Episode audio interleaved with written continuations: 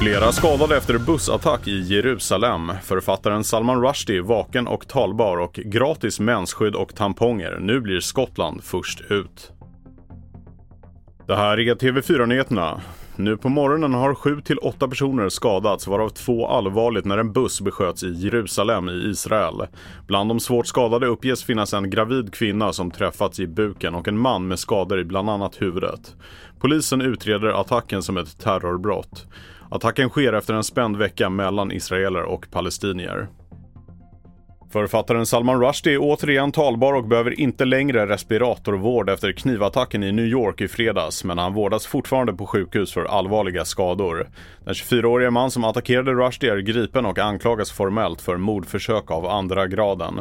Mannen nekar till brott. Under lördagen fördömde USAs president Joe Biden dådet och hyllade Rushdie för dennes vägran att låta sig skrämmas eller tystas.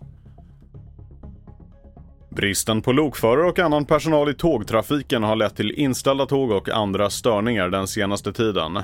SJ startar nu en egen utbildning för att få in fler i personalen, men facket tycker inte att det räcker för att lösa personalbristen.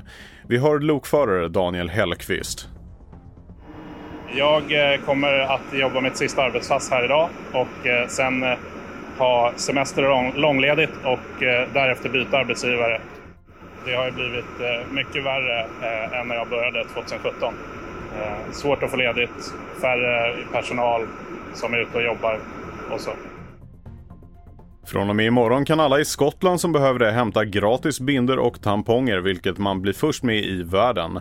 Sedan 2018 har sanitetsprodukter funnits tillgängliga gratis på universitet, skolor och yrkeshögskolor i Skottland.